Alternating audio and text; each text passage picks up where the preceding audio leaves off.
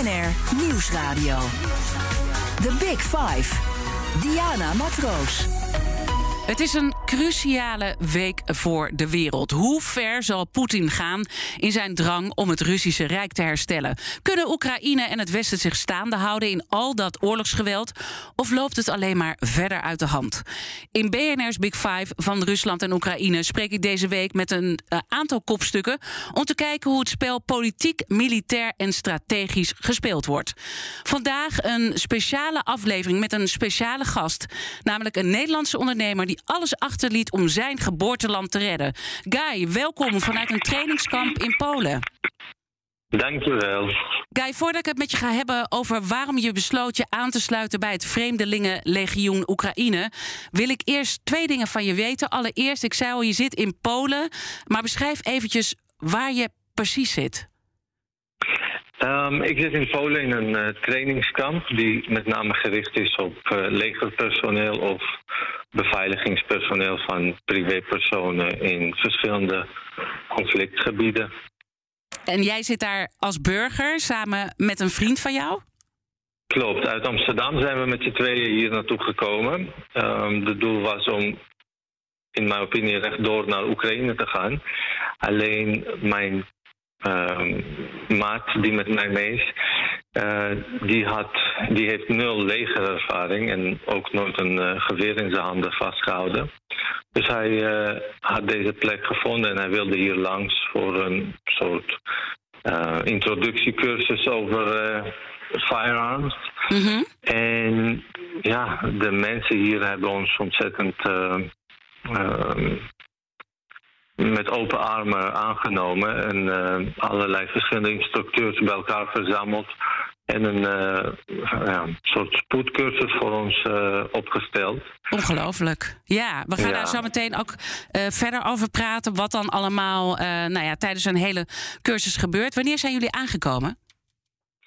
We zijn maandag aangekomen maandag aangekomen. En op het moment dat wij nu dit gesprek uh, opnemen, is op uh, woensdagavond. Dus je bent hier nu echt uh, voor jou ja, de derde dag eigenlijk dat deze hele reis loopt.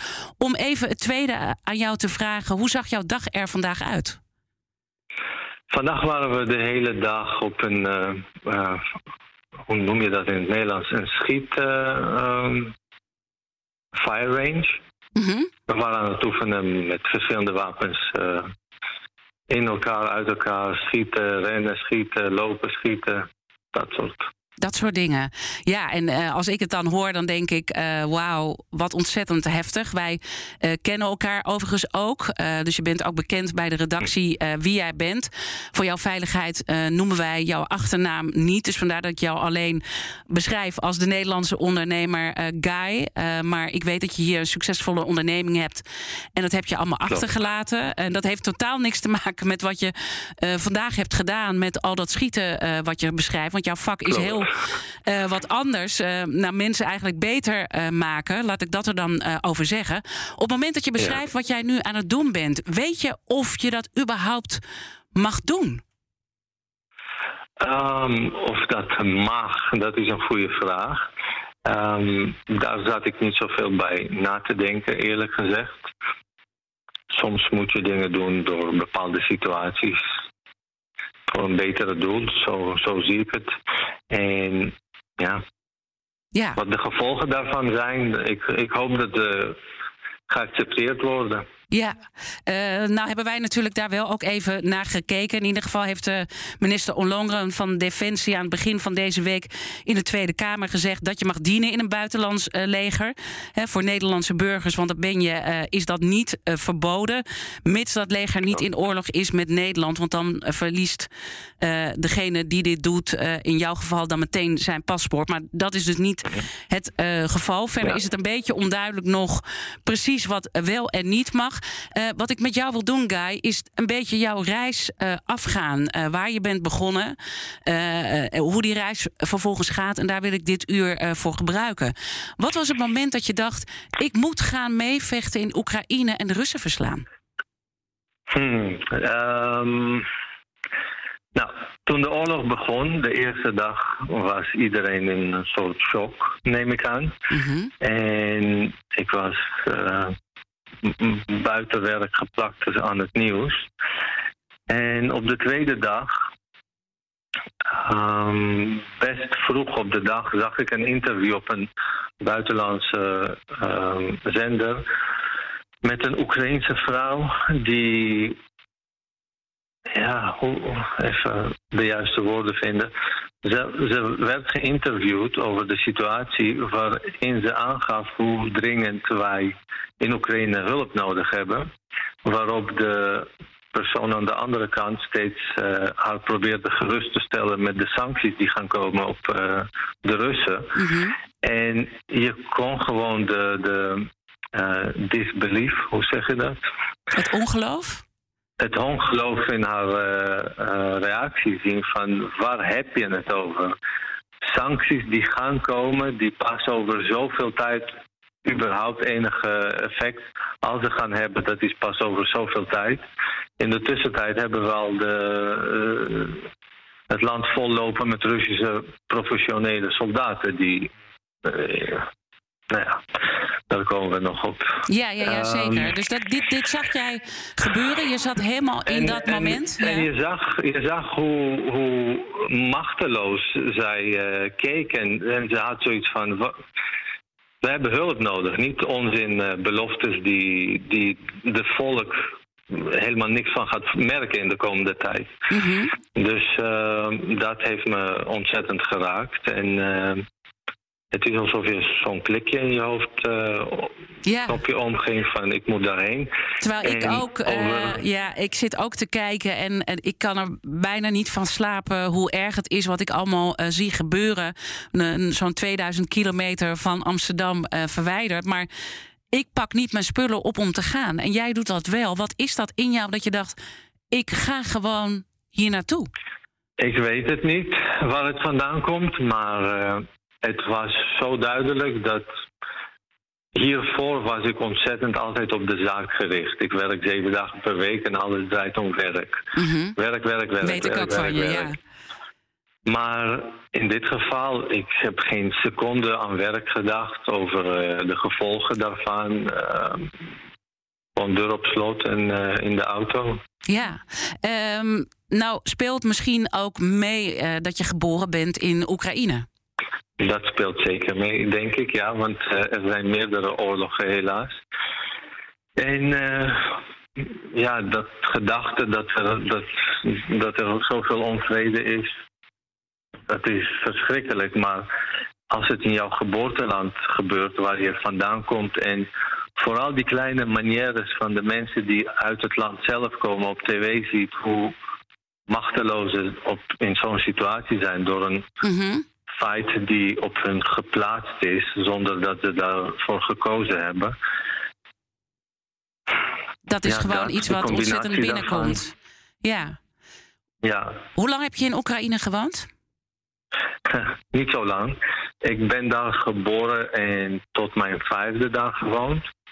En daarna hebben we over meerdere landen, in meerdere landen gewoond. Mm -hmm. En ik kwam nog een keertje terug naar Oekraïne op mijn dertiende voor anderhalf jaar. En al die vrienden die ik nu heb, nog steeds contact mee, dat zijn mensen met wie ik toen op school zat. En ja, zo'n beetje. Ja, dus ik kan me wel voorstellen dat je los uh, van die beelden en die vrouw die je omschreef hè, in dat interview, dat je ook met vrienden daar uh, spreekt en uh, merkt wat die allemaal doormaken. Precies, ja. En wat vertelden ze jou? Nou, uh, ontzettend erge dingen die ik ook in het begin niet echt op het nieuws uh, kon zien of horen. Mm -hmm. uh, maar toen begonnen de filmpjes, zeg maar privéfilmpjes van uh, mobiele telefoons naar mij op te sturen van uh, hoe het in de werkelijkheid eruit ziet.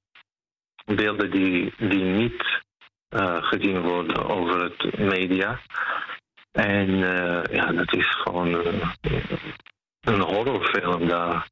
We gaan daarover verder praten, over jouw verhaal, ook jouw reis die je nu maakt. Je hebt op een gegeven moment besloten, ik ga dit doen. En dat ging vrij snel eigenlijk. Dat je zei, het was een klik in mijn hoofd en ik moest gaan. Heb je vervolgens daar met anderen over gesproken? En wat zeggen die dan? Want ik kan me zo voorstellen dat iedereen zegt: je bent gek, doe dit niet. Ja, dus dat heb ik niet gedaan, juist voor dat reden. ja, precies. Uh, ja. ik had het besloten en opeens kwam een, uh, een, vriend van mij in mijn hoofd op, die ik eigenlijk al meer dan een jaar niet gezien of gesproken had, uh, tot vorige week. Maar wij trainden vroeger samen. En hij is ook Oekraïens, dus hij is de eerste aan wie ik dacht. Ik bel hem op. Uh, ik zeg, we moeten gaan. Hij zegt, ja, vind ik ook. En zo ging het. En we hebben afgesproken om de volgende dag uh, te vertrekken. Ja. Dus dat was op de zaterdag dat we elkaar belden. Mm -hmm. En zondag waren we vertrokken. Ja, of, en dat is nu een paar nee, dagen geleden, excuus. Vrijdag besloten en zaterdag richting de nacht zijn we vertrokken. Ja, en dat is nu intussen een paar dagen geleden dat jullie vanuit uh, Amsterdam uh, vertrokken zijn. Uh, nou zei ik al, je bent een ondernemer. Je woont al heel lang in Nederland. Je werkt inderdaad kei en keihard elke dag. zeven dagen van de week. zo ken ik jou ook echt om andere mensen beter te maken. Je hebt gewoon ook je bedrijf alles achter je gelaten. Klopt. Um, ja, ik weet niet wat ik daarover moet zeggen. Ik heb daar geen seconde bij stilgestaan. Ik denk daar ook niet over. Ik heb natuurlijk al uh, mensen die bij mij komen. Mm -hmm. Om het wat vaag te houden. Um, die heb ik natuurlijk allemaal een bericht gestuurd waarom ik uh, weg ben. En uh, de hoeveelheid liefde en ondersteuning die ik van hun terugkreeg is uh, hartverwarmend. Mm -hmm. En ze proberen mij nog steeds in allerlei groepjes te helpen vanuit Nederland. Terwijl ik, ik, ik zie niet hoe ze mij persoonlijk kunnen helpen, maar überhaupt het. Er is een enorme uh, betrokkenheid. Ja. ja.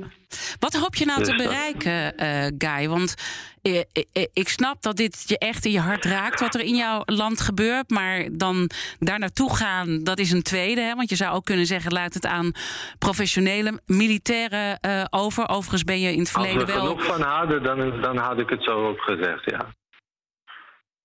Maar eh, qua nummers kunnen wij niet eh, tegenop. Dus we hebben ook mensen buiten de professionele leger nodig. Dat is ook Ja. te merken de laatste tijd. En wat hoop jij dan te bereiken? Nou, persoonlijk of eh, qua ideale wereld? Eh, we gaan straks over de ideale wereld. Maar wat jij persoonlijk eh, probeert nu te bereiken door dit te doen. Ik, ehm, de enige wat ik wil is daar zijn en helpen in wat ik ook kan. Mhm. Ehm, ik kan meerdere dingen, denk ik. Dus ik neem aan dat eh, de organisatoren die jou verdelen in eh ploegen of groepen die je bij gaat wonen terwijl je daar eh, bent, Mhm. die hebben een beter overzicht wie wat nodig heeft. Ja. Dus ik ga mijn eh, goede kanten benoemen en hopen dat eh, ik in de juiste plek eh, aangeschroefd word. En daar zoveel doen zover ik, zoveel ik kan. The Big Five. Diana Matroos. Mijn gast is de Nederlandse ondernemer Guy, die zijn succesvolle bedrijf achterliet om te gaan vechten voor zijn geboorteland. Eh, in oorlog, Oekraïne. Eh, Guy, je vertelt eh, eigenlijk met die vriend. ehm, zijn jullie eigenlijk best wel hals over kop vertrokken? Hebben jullie de auto gepakt? Je hebt dus niets geregeld om bijvoorbeeld te zorgen dat je veilig bent, dat je bepaalde equipment bij je hebt. Je bent gewoon zo gegaan. Ik nam aan dus dat wij gewoon in één keer doorrijden en aan de grens de spullen krijgen die we nodig hebben en oversteken. En dan zien we het wel. Ehm, zo sta ik meestal in het leven. Dat is niet altijd slim. Mhm. Maar eh, eh, dat merk ik nu, want het is echt koud hier. Min 5 vandaag. Ehm, en ik heb eh, ja, gewoon een paar schoenen, twee eh, jeans en een paar t-shirts. Ja. En een, ja, een jas die heel mooi is, maar helemaal niet toepasselijk is voor wat ik nu aan het doen ben. Nee, en het is daar dus ook niet eh, om, om eh, aan, je, aan jullie te geven om eh, wat warmer door de dag heen te gaan. Nee, nee, nee, nee. Nee. Maar het is allemaal goed. Dit, dit is een kleinigheid. Alleen ja. totaal onvoorbereid. ik wist ook niet dat wij hier zo lang zouden zijn. Ik wist ook überhaupt niet dat die maat van mij langs hier wilde rijden. Dat hoorde ik onderweg allemaal. Ja, want je wilde dus, eigenlijk uh, meteen rechtstreeks naar Oekraïne gaan, maar eigenlijk onderweg uh, werd, dat, werd dat plan uh, werd bijgesteld. Klopt. En ik heb daar nog steeds heel veel een beetje schuldgevoel bij. Um, alhoewel begrijp ik hoe, hoeveel wij boffen dat wij deze kans ook krijgen voordat wij naar binnen gaan. Mm -hmm. Dus dat is een beetje een combinatie van twee. Maar waarom heb je een schuldgevoel dan? Nou, omdat wij hier zitten te trainen en we krijgen hier eten drie keer per dag. En uh, we, hebben, we slapen gewoon in een slaapkamer. Uh, terwijl wij eigenlijk daar nu ook uh, essentiële dingen kunnen bijdragen. Ja. Nu al, daar, eigenlijk had je eerder in Oekraïne al willen zijn, maar jouw vriend zei: Ik wil echt naar het trainingskamp uh, gaan. Uh, was dat ook omdat hij nog nooit, zoals je eerder zei, een, een, een, een, een wapen in zijn handen had gehad? Want jij bent in het verleden wel militair geweest. Klopt, maar dat is ook al bijna twintig jaar terug. En de wapens die zij nu in Oekraïne gebruiken, uh, zijn ook voor mij totaal nieuw. Dus eigenlijk ben ik ontzettend dankbaar aan mijn maat, mm -hmm. dat wij dat hebben gedaan. Mm -hmm. En ik merk ook hoe belangrijk het voor mij ook is om dat uh, allemaal weer bij te schroeven. En ik leer hier ook nieuwe dingen hoor. Ja. Daar praten we zo meteen dus, ook over wat je allemaal ja. uh, leert uh, op zo'n dag. Ik zit toch even picture this. Ik zie jou, Guy, uh, ik zie jou in die auto stappen, hals over kop. jullie zijn dus eigenlijk niet nou ja, goed voorbereid als het gaat om bepaalde kleding. Je zit met die maat waarvan je dacht, die ga ik bellen, want die zit een beetje in, het, in hetzelfde verhaal. En dan ben je 2000... En familie daar. Sorry? Hij heeft ook familie. En hij heeft ook familie daar, dus, dus hij heeft nog meer. Uh, of niet nog meer, maar hij heeft ook een ander drive om, om daar naartoe te gaan. En dan zitten jullie in zo'n auto, 2000 kilometer van Amsterdam richting uh, uh, Polen, om daar in training te gaan. Dat idee ontstaat dan onderweg. Hoe praten jullie met elkaar in die auto? Ik was zo moe. En hij was een beetje vertraagd met mij ophalen. Dus ik was, zodra wij in de auto zaten, was het al 12 uur s'nachts. Mm -hmm. ja, ik, ik weet niet. Ik, er, er, viel niet te veel te praten in het begin. We waren gewoon allebei een beetje in onszelf gegaan over ja, ja. Wat, praat je op zo'n situatie. Ja, want dat, dat lijkt me. Uh, ik kan me ook voorstellen dat je ook een spanning voelt als je met z'n tweeën in die auto zit. Ja, ja. Kan je die spanning uh, Hmm. Goeie vraag. Misschien moet ik daar iets langer over nadenken wat, mm -hmm. wat, wat, precies in de auto gebeurde. Maar we gingen, ja, het was gewoon vanzelfsprekend alsof wij naar de grens gaan en that's it, en dan zien we het wel. Ja, en kwam er ergens een ander moment dat je dacht van... wauw, wat zijn we aan het doen?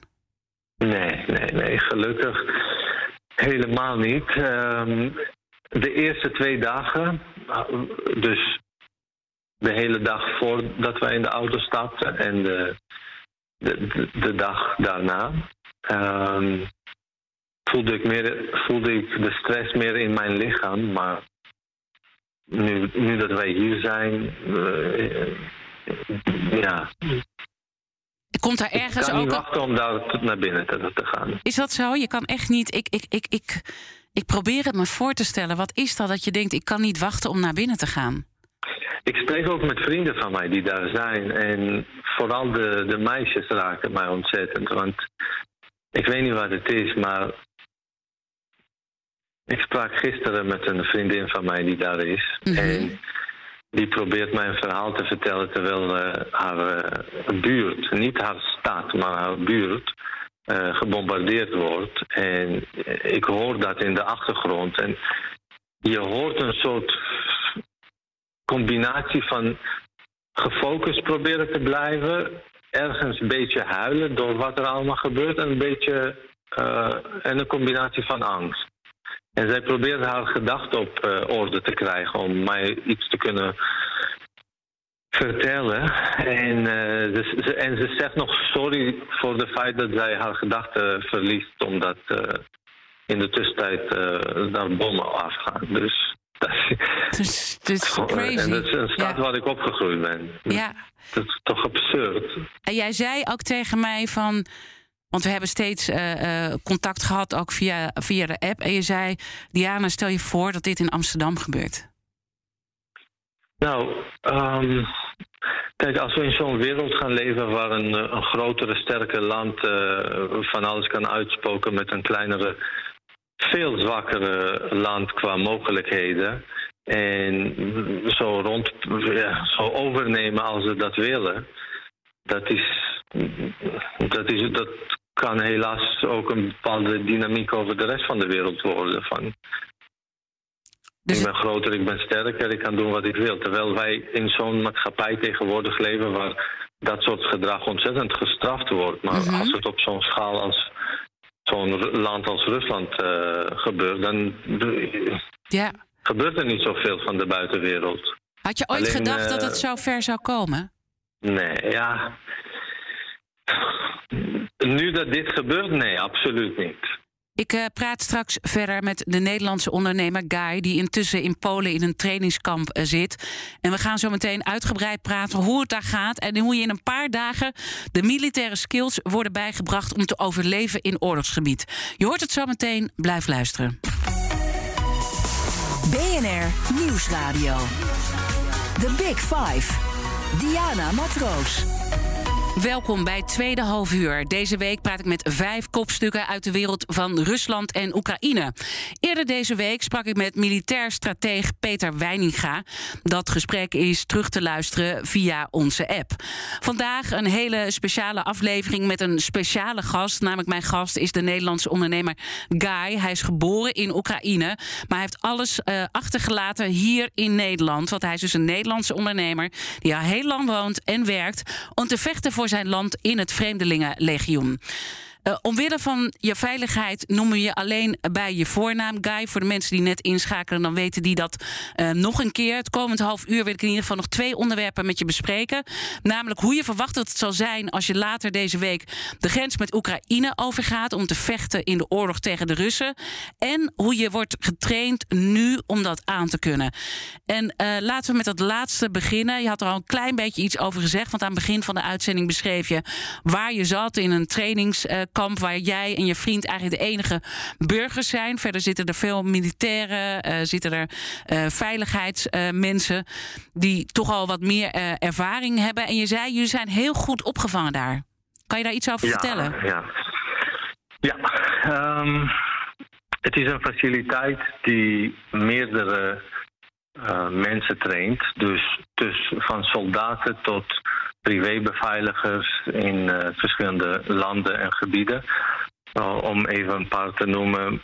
Er zitten hier Irakese soldaten, uh, Turkse soldaten, van alles en nog wat. En dan ook mensen uit verschillende landen in Afrika die persoonsbeveiliging daar doen.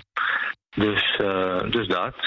En de cursussen hier zijn ook ontzettend gevarieerd. Je hebt oorlogvoering binnen, binnen uh, steden, uh, binnen huizen. Hoe je een bepaalde figuur moet uh, beschermen en verdedigen, dat soort dingen. Heel gevarieerd uh, dus. Kan je een voor, voorbeeld geven uh, hoe je iets in een huis moet doen? In wat voor situatie je dan misschien terecht kan komen en wat je dan wordt geleerd? Um, hier is het heel specifiek. Dus bijvoorbeeld uh, hoe je met een gijzeling om moet gaan. Of uh, als er uh, vijandige eenheden in een, binnen een bepaalde gebouw zijn.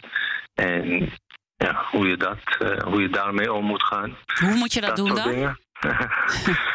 Op verschillende wijzen. Maar het ligt natuurlijk aan de situatie en wat je voor je hebt en met hoeveel mensen je bent. En, mm -hmm wat tegenover je staat.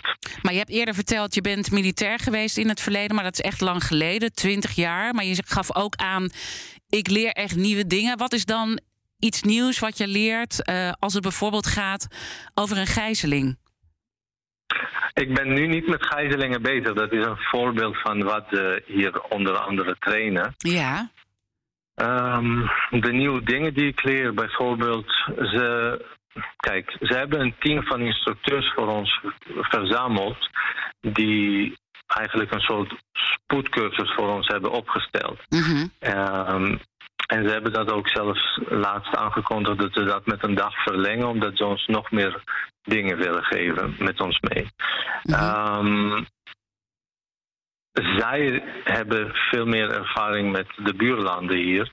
En aangezien wat zij weten, proberen zij ons zoveel mogelijk voor te bereiden voor wat er allemaal verschillende scenario's in Oekraïne kunnen meespelen. En wat is dan zo'n um, scenario wat, wat ze je leren? Uh, met name gericht op uh, als er een bepaalde situatie misgaat binnen een stad, uh, binnen, de, binnen een gebouw of. Mm -hmm. ja, Kun je een voorbeeld geven? Situaties. Of is het moeilijk om dat uit te leggen? En word je ook gevraagd om dat soort dingen niet uit te spreken, omdat het ook een bepaalde nou, tactiek kijk, verraadt? Um, het, het, heeft allemaal te maken met wat ik daar ga doen. Want uh, ik weet nog helemaal niet wat precies mijn functie wordt als ik daar ben. Mm -hmm. um, dus ik kan daar nu niks over zeggen. Ja, en is dat dus ook tegelijkertijd het moeilijke, Guy? Dat je uh, daar zit en je bent vrij om, ja, ja. Hè, hals over ja, kop nee, uh, okay, gegaan? dat is een goede vraag. Ja, ja. Kijk, wat wij nu hier allemaal meemaken, dat is ter voorbereiding voor verschillende scenario's die kunnen gebeuren. Mm -hmm. Dat betekent niet dat wij precies door deze opleiding in een bepaalde situatie gegooid worden of heen gaan. Dit is puur als voorbereiding voor verschillende scenario's die kunnen ontwikkelen in Ja. de tijd dat wij daar zijn. Het is uh, dus even dat duidelijk zijn. Ja, maar ik zit dan gewoon een beetje, wat gebeurt er? Nee, je weet je functie nog niet. eh, eh, maar ik, ik ben dan gewoon zo benieuwd, wat zeggen ze dan tegen je op zo'n dag? Of eh, moet je iets gaan doen? Moet je echt, eh, zoals wij naar, naar legerfilmpjes eh, kijken... dat je moet gaan rennen in een bush-bush en dan... ik probeer een beeld te krijgen wat je nou doet op zo'n dag. Um, ja, ik weet niet hoeveel daarvan ik uh, kan delen. Mhm. Maar je wordt dus getraind zo efficiënt mogelijk in situaties te zijn die heel fout kunnen lopen. Ja, en wat doet dat dan met jou als je dat hoort dat dingen heel fout kunnen lopen? Met mij doet het niet zoveel. Het is, uh, het is ook een afleiding van steeds denken van hoe het daar nu is. Mhm. Dus uh, ja, wat het met mij doet. We zijn gewoon hier om een bepaalde taak uit te voeren. En daar zijn we op gericht om zo goed mogelijk de informatie die ze ons leren, dat op te nemen. Ja, En hopen dat het uh, ja, allemaal goed komt. ja. En, en dan eh, eh, kan je je voorstellen dat, dat, dat ik dan denk van jeetje, als je daar zit, dan, dan word je helemaal gek met wat je allemaal te horen krijgt. Kan je dat voorstellen? Dat jij zo denkt, ja, dat kan ik me voorstellen. Maar nee, dat is, dat is zeker niet zo. Nee. Nee, want jij Mm, hebt eh, iets eh, berustends in je. Je vertelde mij ook eerder dat er wel ook spanning bij je was, maar dat je steeds meer eh, in rust komt naarmate dat moment vordert dat je echt het slagveld ingaat. Ja, ik merk de spanning met name in mijn lichaam. Dus uh, ja, de eerste twee dagen was ik uit het niets uh, zomaar aan het zweten de hele dag. Uh, blijkbaar van het stress. Mhm. Maar eh, niet dat ik in mijn hoofd het idee had van oh, het is uh, zo eng. Uh, het is eng, maar daar ben ik mentaal niet zo mee bezig. Nee, dus je ziet wel dat het in, in je lichaam uit het zeg, maar mentaal ben je gewoon zo met je drive bezig dat je, dat je daar doorheen trekt eigenlijk. Ja, sorry. Ja. Mooi verwoord. Mooi verwoord, dank je. Dank je. Uh, je, je vertelde eerder ook, uh, vandaag heb je een dag gehad en dat ging uh, met schieten. Ehm, je maakte ook een beetje een soort grap. Ik denk soms moet grappen ook je door een bepaalde tijd heen helpen. Dat je nieuwe koffer, ja, dat is dan een koffer oh ja. met wapens. Klopt. Met wat voor wapens werken jullie? Dat zijn dus, uh, oh ja, dat is een gekke. Uh, dat zijn dus allemaal Russische wapens, omdat, ja, dat, dat zijn de wapens die daar gebruikt worden aan beide kanten. En ja, dus je, het is wel heel gek om op een Russische wapen jezelf te leren beschermen voor het geval dat je door een Rus aangevallen wordt. En ja, het is een heel rare gedachte. Dat je dus een Russisch wapen, wapen, hebt terwijl je tegen Russen gaat vechten. Dat is een gek. gek ah. Ja. Hmm. Dat is een gek idee, ja, voor iedereen, denk ik. Ja. Hey, en uh, je zegt we worden heel goed uh, begeleid. Zijn er dan ook ja, echt officiële instanties die jullie daar begeleiden? Oh, dat zijn hele professionele instructeurs die, die ons hier lesgeven. Um, sommige van hen hebben uh, meerdere keren in Irak gevochten of, uh, of uh, troepen getraind in verschillende. Maar is de Oekraïnse overheid bijvoorbeeld hier ook bij betrokken? Dat, dat je ook merkt dat er vanuit die zijde officiële instanties echt bij betrokken bij zijn? Oh nee, we zijn hier de enige twee Oekraïners en het uh, gekke is, al die gasten die hier rondlopen, dat zijn ontzettend professionele uh, soldaten of uh, experts op dat gebied. En wij lopen hier met z'n tweeën gewoon in, in jeans en een hoodie. En zij geven ons allemaal zoveel respect en steun voor blijkbaar wat er gaat komen. Mm Dat het een beetje ironisch, want ik heb ergens een, een soort hoop en soms maak ik grapjes met de instructeurs hier. Kunnen jullie niet even een ploegje erbij eh, verzamelen dat wij samen met de allen naar binnen gaan? Dan voel ik me tenminste ook uh, een stukje op mijn gemak. Ja, ja, het is echt een hele rare setting uh, uh, die je beschrijft. En, en hoe maar is die, die zijn veel beter dan, dan, dan ons. Hè? Ze trainen hun hele leven. Wij, wij, ja. wij doen een spoedcursus. Ja. Ik denk dat ze ontzettend effectief zouden zijn als we als ze ook naar binnen gaan. Ja, uh, hoe, hoe zijn uiteindelijk dan uh, jullie avonden? Zit je dan, wat moet ik me voorstellen, zit je dan toch gezellig met elkaar uh, te eten of is er spanning om te snijden? Hm. We zitten wel te eten, maar of er veel gesproken wordt, nee. Um, ik sta op meestal tussen vijf en half zes.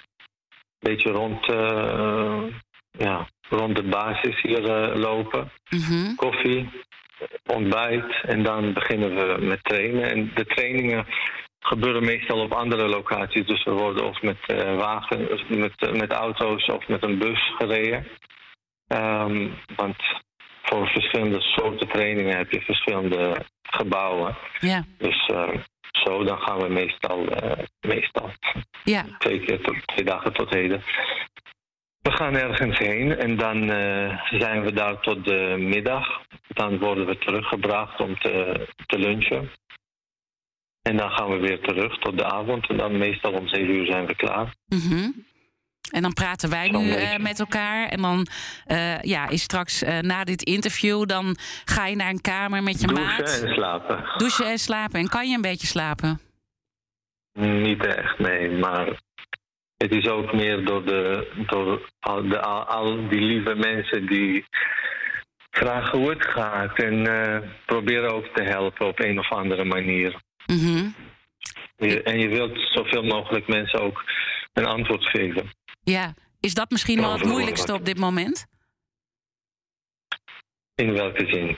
Nou, dat al die mensen ook allemaal uh, nou ja, willen weten hoe het met je gaat. Het, ze geven natuurlijk heel veel uh, liefde aan je. Maar het is natuurlijk ook wel uh, mensen die zich zorgen ook om je maken, denk ik.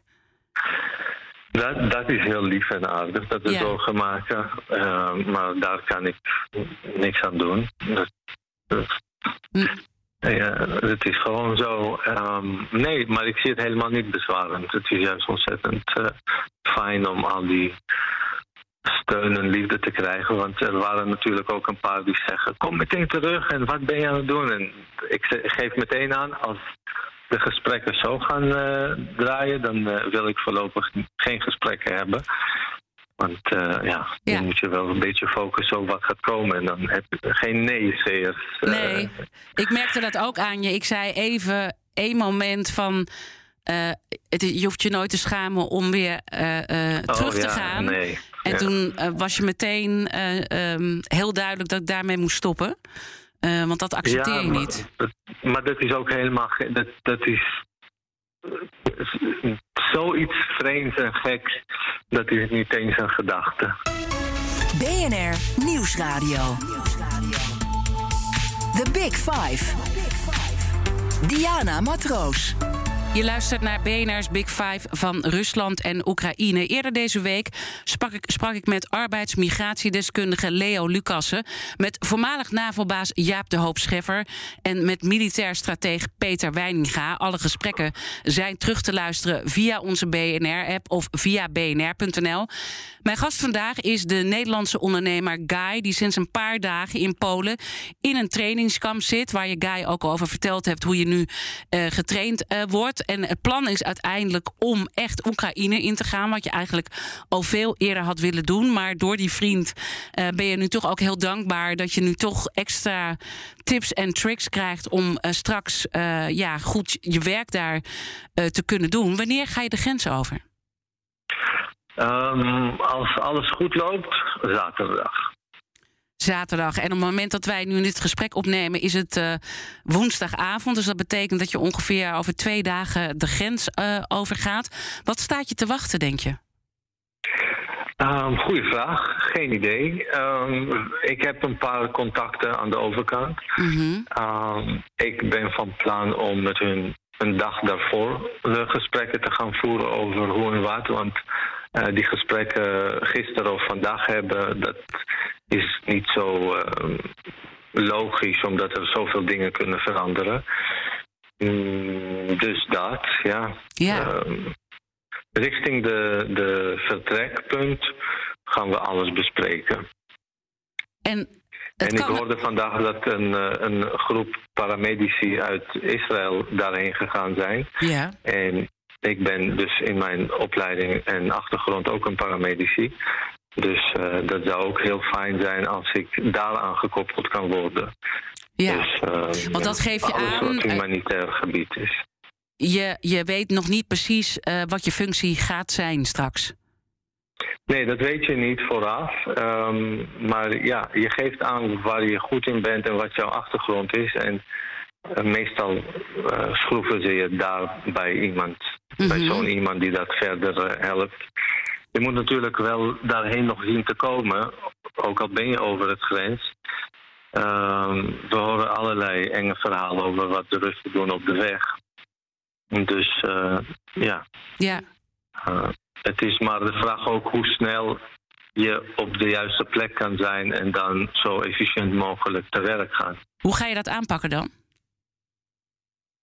Gewoon doen. Ja, gewoon.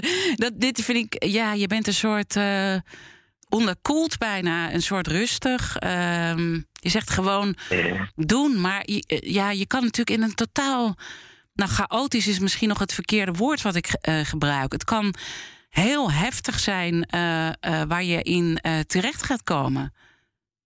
Het kan ook heel niet heftig zijn waar ik terecht kom en dan kan ik mijn werk goed doen. Dus daar focus ik meer op. Ja, en, en als het anders is, dan zie je wel of zo. Dan is het zo. Ja.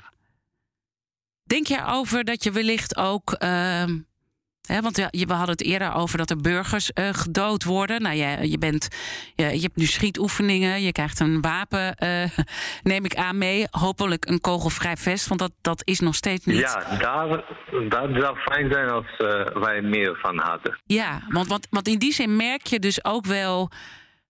Ja, dat het eigenlijk nog niet dat gecoördineerd uh, verloopt. Hè? Dus je geeft aan één kant aan... jullie worden ontzettend goed uh, opgevangen. Allemaal hele specialistische mensen. Maar het ontbreekt dus aan, uh, aan, aan materiaal.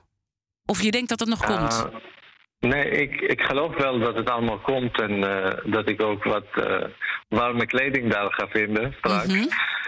Want het is best koud hier. Ja. Maar uh, nee, uh, ik weet gewoon niet wat daar te verwachten staat. En met alle trainen, het is wel handig als je zo goed mogelijk voorbereid bent. En ik heb alle vertrouwen dat het aan de grens uh, ontzettend goed georganiseerd is. Mm -hmm. Met alle hulp van, van iedereen vanuit, de, vanuit buiten Oekraïne. Ja. Maar eh, voor de zekerheid zou het wel fijn zijn om alvast eentje mee te hebben. Maar Ja, goed, het is dat is, niet, dat, dat is niet nu eh, eh, hoe het geregeld is. Maar je kan natuurlijk in een heel heftige situatie. Ik hoop het niet, eh, Guy, maar je gaat een oorlogsgebied in. Laten we dat daar niet eh, kinderachtig over doen. Je loopt daar ook met een wapen rond. Hou je dan rekening mee dat je ook misschien per ongeluk een burger kan doden? Nee, daar hou ik geen rekening mee, omdat dat gaat, dat gaat gewoon niet gebeuren. Mhm. Ehm, ik zou geen situatie kunnen visualiseren waarbij zoiets kan gebeuren. Nee. Nee, nee, ik, Ik, zie ga daar om mensen te Ja. helpen, niet om eh, in, in situaties te komen waardoor iemand door jou eh, kan lijden. En ben je bereid om eh, de vijand te doden? Want dat is natuurlijk ook in een oorlog wel altijd wat de bedoeling is. Ehm, daar ben ik helemaal niet mee bezig, Diana. Echt niet. Ik eh, vind het überhaupt bizar dat mensen dat elkaar aan kunnen doen. Ehm, nogmaals, ik ga met het doel om te helpen waar ik kan. Mhm. En al dat soort eh, nachtmerries, daar eh, ben ik niet mee bezig. We Nee. worden wel voorbereid op. op eh, loopt iemand met een hond langs? Oké. Doet, doet me aan mijn hond denken. Ja. Die, Ja, geweldige hond. die, die, dat is denk ik nog het moeilijkste wat je hebt achter moeten laten. ja, Ja. zeker. Ja. Maar goed, ehm, dus ja, Diana, ik ga met het doel om effectief mensen te kunnen helpen. En over de griezelverhalen probeer ik niet over na te denken. En, en eh, hoop je dan toch dat je, eh, nou ja, dat medische stuk, dat je daar eh, dan Ja. ingezet gaat worden, zodat je dat kan doen. Terwijl je natuurlijk wel ook voor alle scenario's wordt voorbereid dat je in één keer in een heel heftige situatie iets anders moet oplossen en je wapen moet trekken. Precies. Dat is natuurlijk ook Eh, hoe het dat, is. Dat, dat is. Dat kan allemaal, ja. Alleen ik denk dat met mijn medische eh, achtergrond en opleiding. dat ik veel nuttiger ben. Want Mhm. eh, binnen vier dagen, hoe goed eh, wij ook de lessen volgen. en hoe professioneel onze trainers en instructeurs hier zijn. Binnen vier dagen kan je niet. Op de niveau van professionele soldaten komen. Nee. Maar het is dus ook all, all hands on deck, hè? Dus ja, je, Ja, je ja, geeft ja. aan, dus, dus je komt misschien ook in een situatie terecht. En ik merk dat ik dit echt een heel afschuwelijke vraag vind om aan jou te stellen. Eh, Mm. Want, want ehm, ik heb je heel hoog zitten. en ik, ik, ja, jij bent een, een, een sterk iemand en, en eigenzinnig. En, en je bent fysiek sterk. Dus ik, ik heb gewoon ziet, ik zie jou gewoon weer. Maar Mm. hou je rekening mee dat je ook kan sterven? Ja, natuurlijk. De, het eerste wat ik gereed maakte op die dag dat wij vertrokken was een, hoe noem je dat? Een, een wheel. Voor het geval dat, ja, je moet wel realistisch in staan. Mm, als het anderen kan overkomen, kan het je ook overkomen. Ik ga daar niet van uit, Mhm. eh, want eh, ik eh, moet mijn hond nog ophalen Ja. en mijn werk nog doen. ja. Maar ja, kan gebeuren. Maar daar ben ik niet mee bezig, Diana. Nee, en je bent dus uiteindelijk ook bereid om eventueel te sterven voor jouw geboorteland. Het is niet voor mijn geboorteland. Het is voor de mensen die daar wonen. En het is niet per se... Het is, het is voor het doel daarvan. Mhm. Ehm, ik zie het misschien anders. Eh, het is niet zo dat ik met, de, met het doel ga dat ik ben voorbereid. Maar als het gebeurt, dan gebeurt het. Daar, daar zit ik niet echt mee, eerlijk gezegd. Nee, je, het gaat je om het grote goed om de ander eh, te helpen. En eigenlijk gaat het over ons aller vrijheid. Ja, je ziet de waanzin die daar gebeurt. En eh, ik kon niet verder naar de tv kijken. Dus dat was de beslissing. En wat de gevolgen daarvan zijn, ja. Eh, van alles kan gebeuren. Mhm. Je kan ook in Nederland eh, de weg oversteken en door een bus geraakt worden. Ja, that's true, that's true. Ehm, we hebben bijna een uur met elkaar gesproken. Eh, je hebt heel veel verteld. Dank daarvoor ook. Is er nog iets waarvan je zegt... dat wil ik echt nog gezegd hebben of doordrongen hebben bij iedereen? Ik denk nadat wij ophangen, herinner ik zeker een paar van dat soort momenten. Ja, precies. Ehm, als ik nu aan kan denken, ja, het zou gewoon fijn zijn als mensen normaal kunnen met elkaar omgaan. Ja. En niet tot dat soort situaties uh, escaleren. Want dit slaat gewoon nergens op. Nee. Is er iets wat we nog uh, kunnen doen? Als, we zijn allemaal individuen. Wat kunnen wij doen? Kijk, die Giro Oekraïne. Of, uh, ja, Giro 555. Ja. Dat zal wel een heel goed moment zijn voor iedereen bij elkaar te komen. Um, ja, iedereen moet zelf helpen en doneren in, op de manier waarop zij dat goed vinden. Maar ik kan zeggen dat ja, alles wat ik achter heb gelaten, ik heb daar geen seconde aan getwijfeld door de doel. En de doel is zoveel belangrijker. Dus ja, als mensen zelf kunnen verzinnen hoe ze de, mm voor het juiste doel opkomen, dat, is, uh, dat zou fijn zijn. Ik uh, kan je niet anders dan heel veel succes uh, wensen. Uh, ik vind je heel moedig. Um, ja, ik vind je een held dat je dit doet. Ik vind het doodeng. maar ik, ik ga er gewoon van uit. we zien elkaar weer. En dan hopelijk in een betere wereld. Dankjewel, Guy. Yes, dankjewel. En natuurlijk zijn alle afleveringen van BNR's Big Five zoals altijd terug te luisteren. Je vindt de podcast in onze BNR-app en op bnr.nl. Ik wens iedereen een mooie dag. Bij BNR ben je altijd als eerste op de hoogte van het laatste nieuws. Luister dagelijks live via internet. Jelle Maasbach. Wesley Weert. We zijn er voor je met het leukste, opvallendste, maar natuurlijk ook het belangrijkste nieuws. Tijdens de presentatie van die halfjaarcijfers toen die beurskoers in elkaar kukkelde. BNR Beurs. Voor de slimme belegger. Blijf scherp en mis niets.